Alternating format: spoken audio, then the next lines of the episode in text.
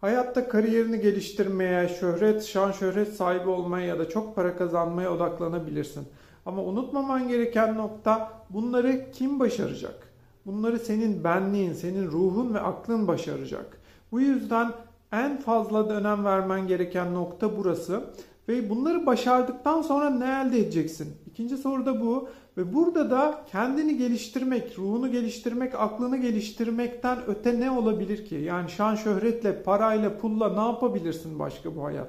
Bunları nasıl kullanabilirsin? En iyi ne şekilde kullanabilirsin? Yine kendini geliştirerek, kendine yatırım yaparak kullanabilirsin.